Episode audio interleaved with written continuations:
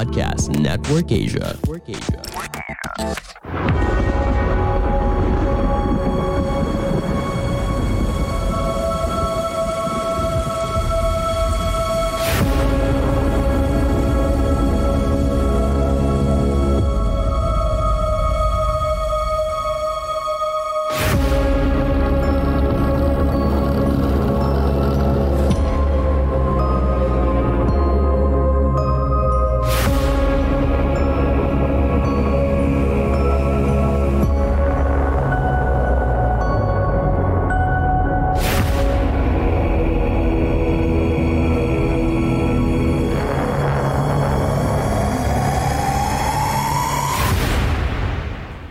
Halo semuanya, balik lagi dengan gue di sini.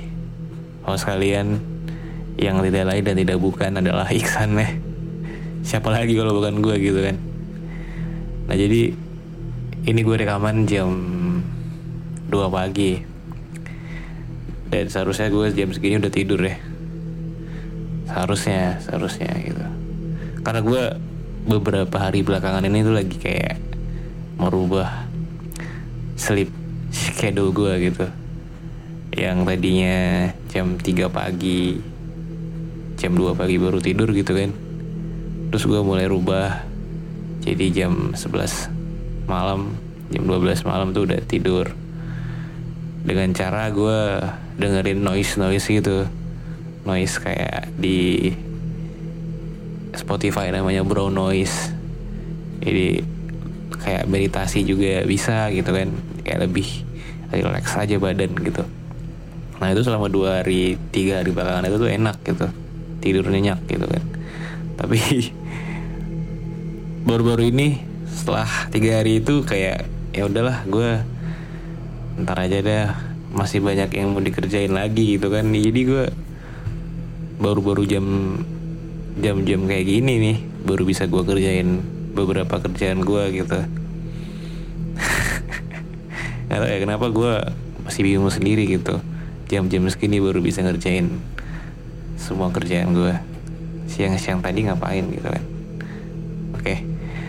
Nah jadi gue gak bisa tidur nih ceritanya Karena besok pagi itu ada presale tiket konser Lani. Kalian dengerin Lani gak? Yang lagunya Malibu naik tau gak?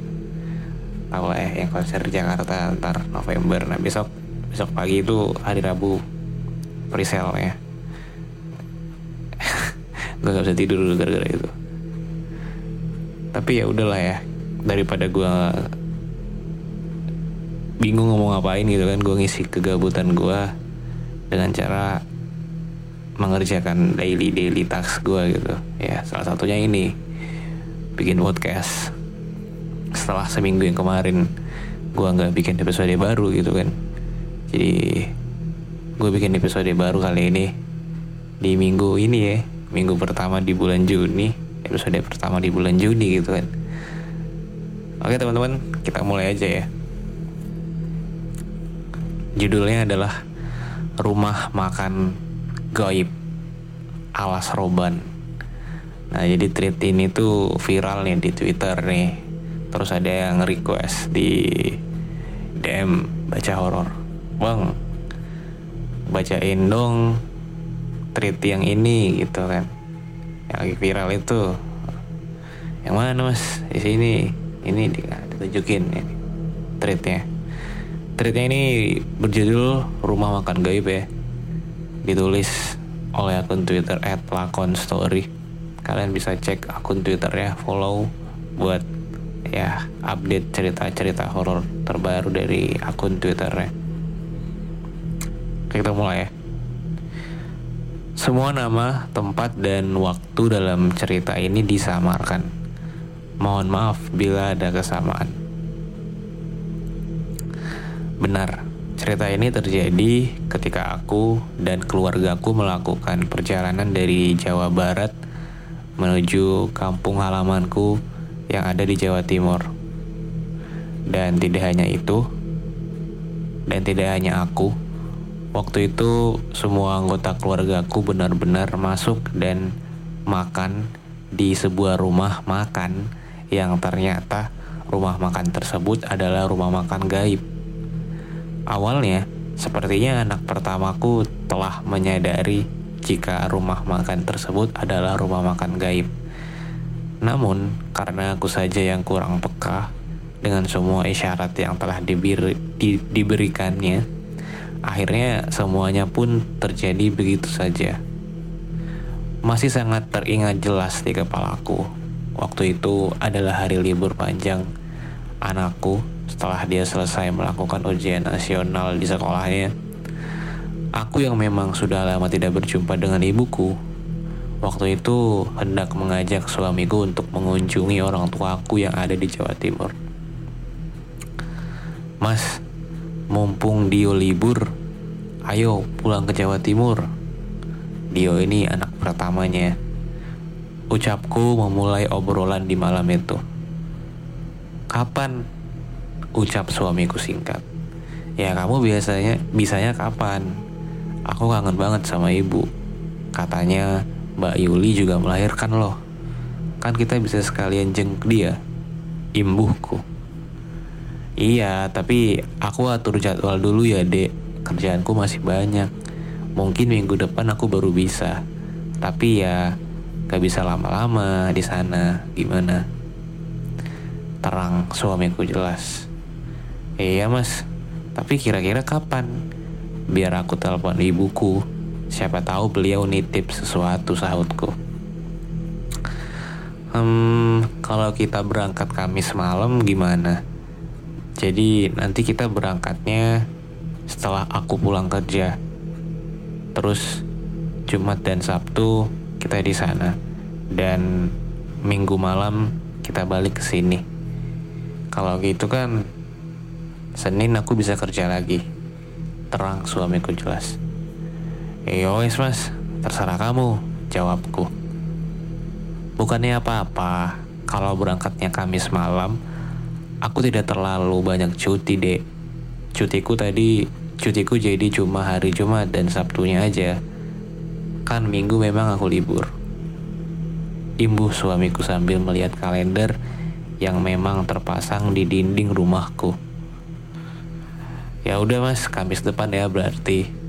Terima kasih ya mas, sautku sambil memeluk suamiku dari belakang. Dan akhirnya, aku dan suamiku pun sepakat untuk pulang ke Jawa Timur pada hari Kamis malam di minggu berikutnya. Singkat cerita, setelah beberapa hari berlalu, akhirnya hari yang kutunggu-tunggu pun itu pun telah tiba.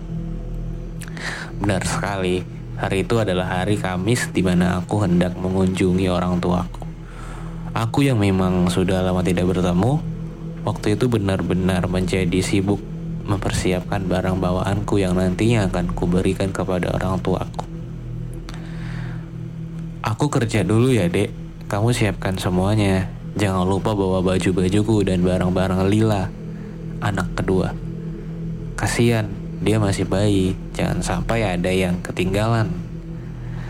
Nanti sore, pas aku pulang kerja, semuanya harus sudah siap agar kita bisa langsung berangkat. Ucap suamiku pagi itu sambil masuk ke dalam mobil dan pergi ke tempat kerjanya. Iya mas, jawabku dengan mulai mempersiapkan barang-barangku satu persatu. Waktu itu tentu saja aku menyiapkan semua barang bawaanku dan barang anakku yang saat itu masih belita. Dan tidak hanya itu, oleh-oleh buat orang tuaku yang memang sudah kusiapkan sebelumnya pun saat itu tidak lupa juga kutata rapi agar ketika suamiku pulang nanti aku bisa langsung segera pergi. Hingga akhirnya sore hari pun tiba. Sore itu sekitar pukul 17.00 sore, suamiku pun pulang dari tempat kerjanya dan seketika memasukkan barang-barang yang memang sudah kupersiapkan sejak pagi.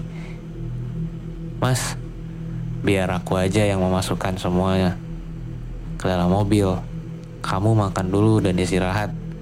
Nanti habis maghrib kita berangkat.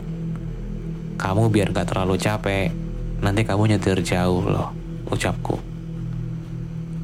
Udah gak apa-apa dek, kamu urusin aja baju lila. Mudah-mudahan dia nanti gak rewel ya dek. Sahut suamiku dengan terus memasukkan semua barang bawaannya satu persatu.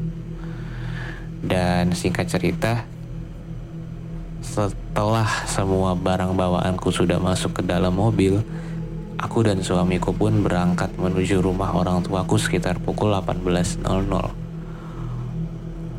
Sepanjang perjalanan, tentu saja waktuku habiskan dengan mengobrol bersama suamiku Hal itu memang sengaja aku lakukan karena selain agar suamiku tidak cepat mengantuk, malam itu keadaan jalan benar-benar sangatlah sepi dan tanpa terasa waktu pun terlalu waktu pun berlalu begitu saja.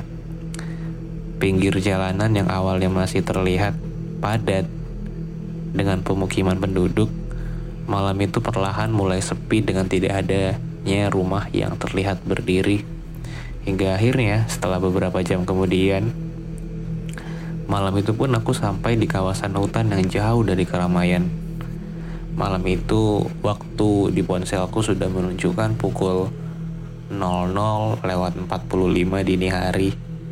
Keadaan jalanan yang sepi ditambah dengan tidak ada satupun lampu yang terlihat menerangi Membuat saat-saat itu rasanya tidak akan pernah bisa kurupakan hingga saat ini. Mas hati-hati ya, ucapku sambil melihat ke arah kanan dan kiri yang di situ. Yang kulihat hanya pepohonan rimbun yang berjejer dengan rapi.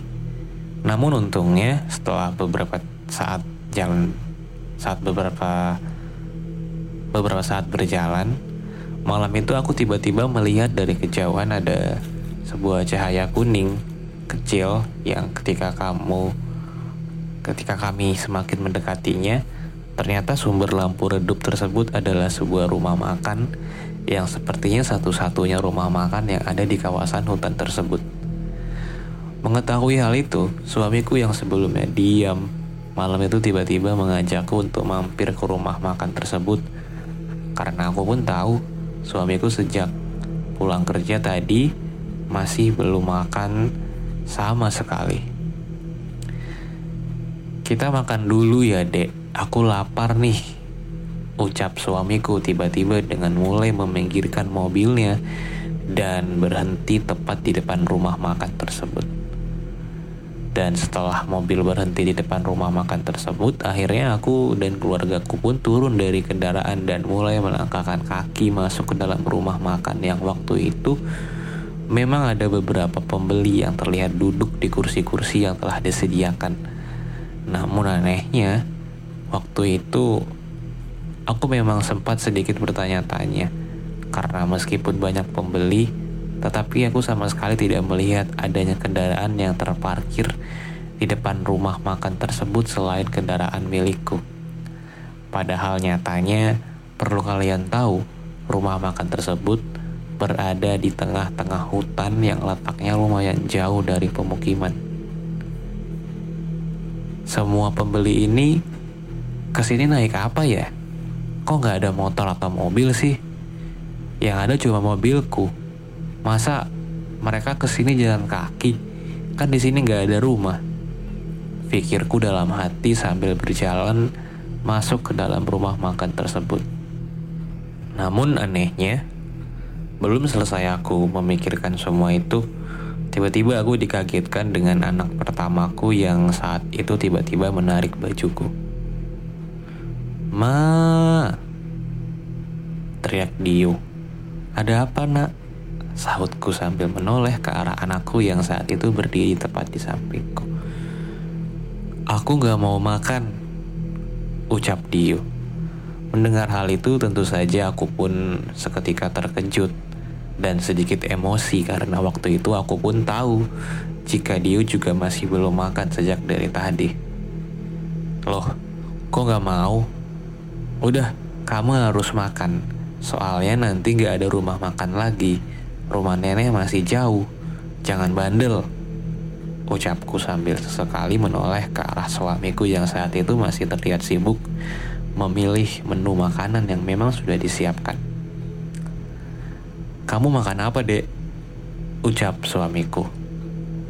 Ayam goreng aja mas. Oh iya, ini si Dio gak mau makan katanya. Imbuhku. Mendengar ucapanku, suamiku yang sebelumnya sibuk memilih menu makanan pun waktu itu tiba-tiba berjalan menghampiri Dio dan mencoba membujuk Dio agar dia mau makan di tempat tersebut. Dio, kalau kamu gak mau makan, besok kamu pasti sakit. Kalau sakit, kamu gak bisa main sama Yuna. Katanya mau main sama Yuna. Kalau kamu mau makan, besok Papa belikan mainan di rumah nenek. Rayu suamiku. Namun anehnya, bukannya menurut, malam itu anakku malah terlihat diam sambil sama sekali tidak menjawab perkataan dari suamiku. Kok tumben Dio jadi pendiam? Kan biasanya dia rewel dan suka banget ngomong, pikirku dalam hati. Kamu kenapa sih nak? Sahutku. Dan lagi-lagi bukannya menjawab, Dio malah terlihat diam sambil berlindung di belakang tubuhku dengan tangannya yang juga meremas rok panjangku. Mau makan apa? Ucap ibu-ibu tua pemilik rumah makan tersebut di sela-sela aku dan suamiku yang masih terus membujuk Dio. Anu bu, ayam goreng dua porsi dan teh angetnya dua ya. Oh iya, nambah satu porsi lagi ayamnya ya, tapi dibungkus aja. Sepertinya anak saya lagi gak mau makan. Terang suamiku sambil mendekati ibu-ibu tua pemilik warung tersebut. Dan anehnya, bukannya melayani dengan penuh ramah, waktu itu ibu-ibu tua pemilik rumah makan tersebut malah terlihat datar. Tidak sekalipun tersenyum terhadapku. Pemilik rumah makan tersebut seorang ibu-ibu tua mas. Kalau saya taksir beliau berusia 60 tahunan. Kulitnya sawo matang dengan keriput yang terdapat di seluruh wajahnya.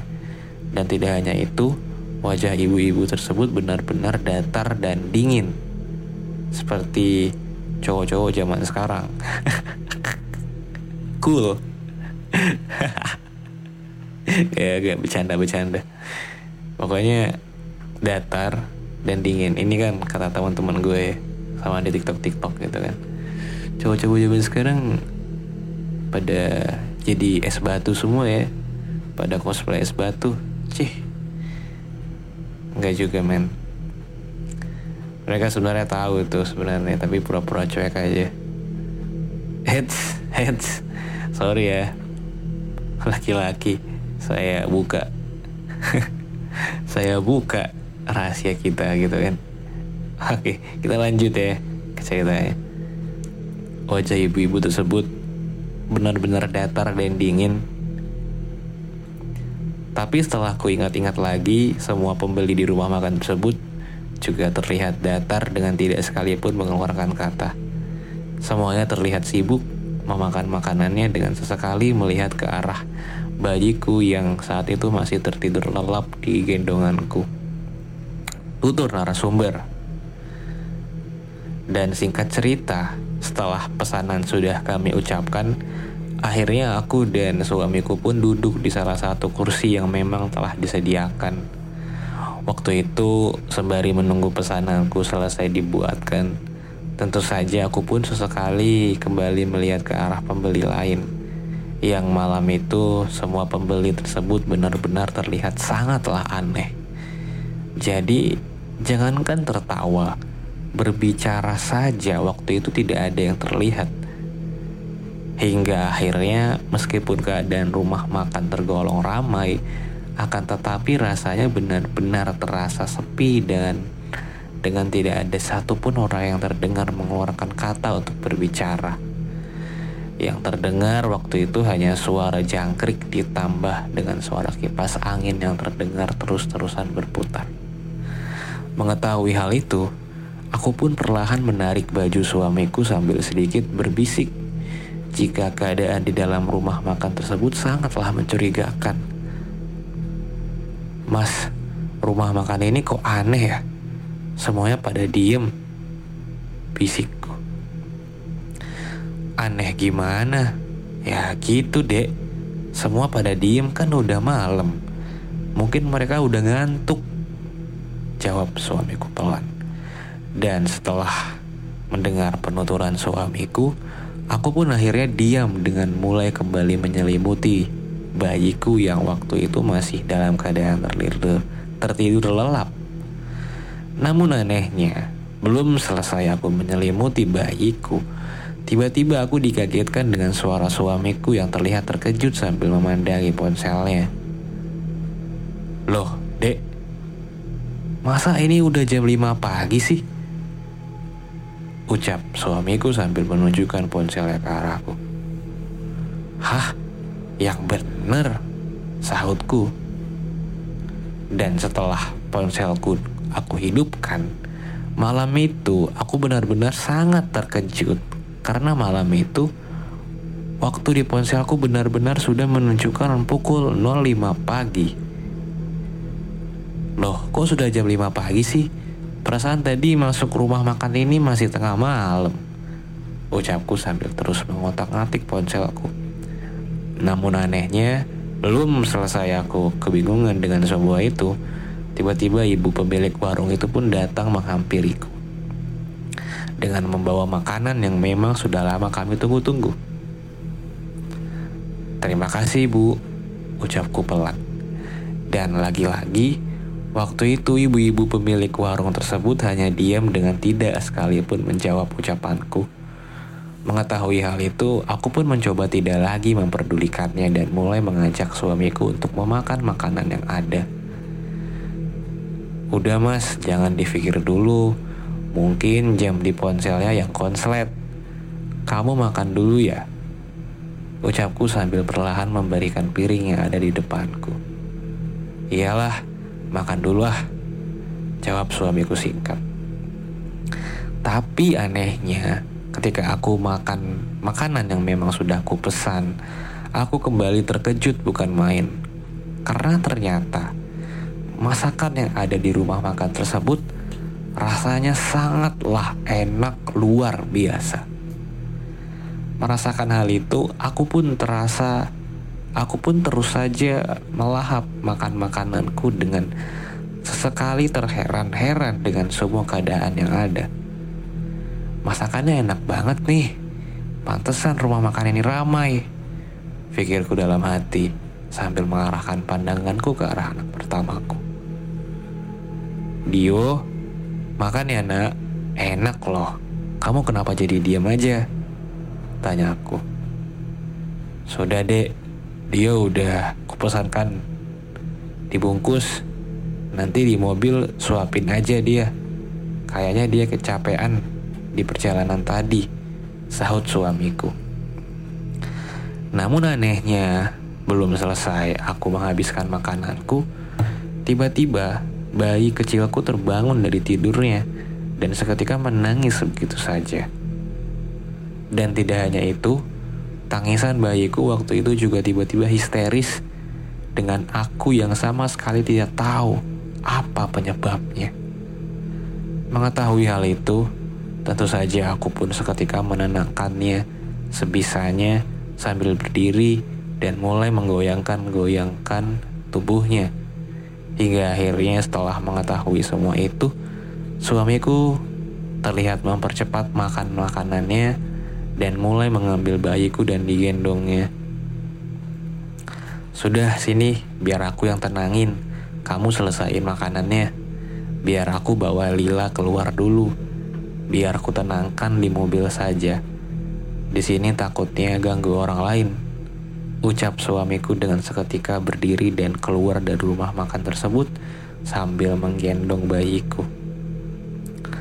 Dan setelah suamiku pergi, Tentu saja waktu itu aku di dalam rumah makan tersebut hanya bersama Dio yang waktu itu masih saja diam dengan tetap tidak mengeluarkan sepatah kata. Di situ aku masih menghabiskan makan makananku yang tersisa hanya setengah saja dan tidak hanya itu, aku juga sesekali melihat ke arah pembeli lain yang anehnya. Mereka terus saja memakan makanan yang ada di depannya tanpa terlihat berhenti. Dari tadi kok nggak selesai-selesai sih orang ini makan? Pikirku dalam hati. Dengan sesekali mengarahkan pandanganku ke arah beberapa pembeli lain yang ada di rumah makan tersebut. Lampu di rumah makan tersebut masih menggunakan lampu kuning dengan cahaya yang tidak terlalu terang. Di dalam rumah makan terdapat sekitar 8 meja panjang yang setiap meja terdapat buah-buahan lengkap dengan beberapa makanan ringan dan gorengan. Dan tidak hanya itu, keadaan rumah makan tersebut bisa dikatakan sangat bersih, meskipun letaknya di tengah-tengah hutan, perbatasan antar kota. Hingga akhirnya setelah aku memandangi bagian dalam rumah makan sambil mengunyah makananku, tiba-tiba pandanganku teralihkan dengan adanya kalender yang saat itu masih menunjukkan tahun 2000 yang tandanya kalender tersebut tertinggal 10 tahun yang lalu. Kalendernya kok masih tahun 2000 sih? Apa memang sengaja nggak diganti ya? Pikirku. Dan anehnya, belum selesai aku memikirkan semua itu, aku pun tiba-tiba kembali dikagetkan dengan tarikan anak pertamaku yang saat itu terlihat kembali menarik bajuku. Ma, ayo pergi. Rintih anakku. Mama belum selesai makan, kok ngajak pergi? Sahutku. Dan tanpa menjawab perkataanku, tiba-tiba anakku terlihat berdiri dan pergi keluar sambil sedikit berlari seperti anak yang sedang ketakutan. Mengetahui hal itu, aku pun mencoba bersikap biasa saja karena aku pikir Dio waktu itu sedang menuju ke arah mobil. Yang ku tahu, di situ masih ada suamiku yang sedang menenangkan bayi kecilku. Dan singkat cerita, setelah aku selesai menghabiskan semua makananku, aku pun seketika menuju ke arah kasir rumah makan tersebut sambil kembali melihat ke arah beberapa pembeli yang lain yang masih saja terus memakan makanannya. Sesampainya di kasir, tentu saja aku pun menanyakan harga dari semua makanan yang sudah kami pesan sebelumnya. Berapa semuanya, Bu? Lalapan ayamnya tiga ya bu. Dua makan di sini dan satu dibungkus. Minumannya dua dan kerupuknya saya tadi ambil lima biji. Ucapku jelas. 15 ribu. Ucap ibu-ibu tersebut singkat sambil menyerahkan bungkusan ayam goreng yang memang sudah aku pesan sebelumnya tersebut. Hah? 15 ribu? Apa nggak salah bu Kok murah banget? Sahutku heran. Namun anehnya bukannya menjawab, ibu-ibu tua tersebut terlihat hanya diam dengan terus menatap wajahku. Dan karena aku rasa ibu-ibu tua tersebut melihat sangat serius, akhirnya tanpa banyak tanya lagi aku pun langsung membayarnya dan langsung berjalan pergi meninggalkan rumah makan tersebut. Waduh, kok aneh banget sih rumah makan ini pikirku dalam hati sambil terus melangkah keluar. Dan sesampainya aku di luar rumah makan tersebut, aku pun seketika menghampiri suamiku yang saat itu masih berusaha menenangkan bayiku yang masih saja menangis terseduh-seduh. Lila, kok tumben ya dek? Dia nangis terus loh, gak diem sama sekali. Ucap suamiku. Iya ya mas, kenapa ya? Namun anehnya belum selesai aku kebingungan dengan keadaan bayiku. Dio yang sebelumnya hanya diam, waktu itu tiba-tiba menangis terseduh-seduh sembari mengajakku dan suamiku untuk segera pergi dari tempat tersebut. Mama, Papa, ayo pergi. Ucap Dio mengagetkanku. Kenapa kamu kok nangis? Kamu udah besar loh, udah kelas 6 SD. Kok masih nangis? Sahut suamiku. Ayo pergi pak, cepetan. Aku takut. Rintih Dio. Dan karena kami rasa malam itu anakku sedang melihat sesuatu, akhirnya suamiku pun bergegas menjalankan mobilnya dan kami pun pergi meninggalkan rumah makan tersebut. Sepanjang perjalanan setelah dari rumah makan tersebut, bukannya diam, bayiku benar-benar seolah tidak bisa berhenti menangis. Dan tidak hanya itu, Dio yang biasanya jarang sekali menangis, waktu itu tiba-tiba juga ikut menangis histeris. Mengetahui hal itu, tentu saja aku dan suamiku pun kebingungan dan mulai cemas dengan keadaan yang sudah semakin mengkhawatirkan. Bagaimana kalau kita cari rumah sakit saja sebentar? Kita periksakan anak-anak kita, Mas. Aku takut mereka kenapa-kenapa. Iya, wes. Sepertinya sebentar lagi pagi. Nanti kalau sudah pagi kita cari rumah sakit. Ini jam berapa ya, Dek? Sahut suamiku. Namun anehnya, ketika aku membuka ponselku untuk melihat waktu, malam itu aku kembali terkejut. Bukan main. Karena saat itu jam di ponselku masih menunjukkan pukul 01.30 dini hari.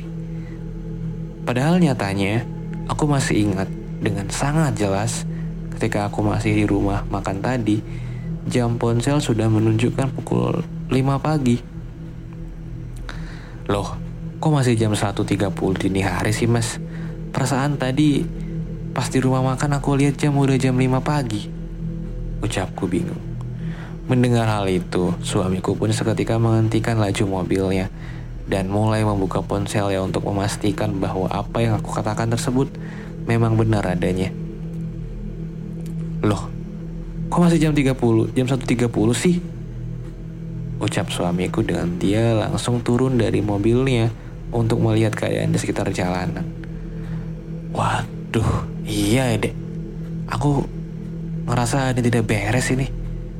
Imbuh suamiku sambil mondar-mandir di pinggir jalan raya.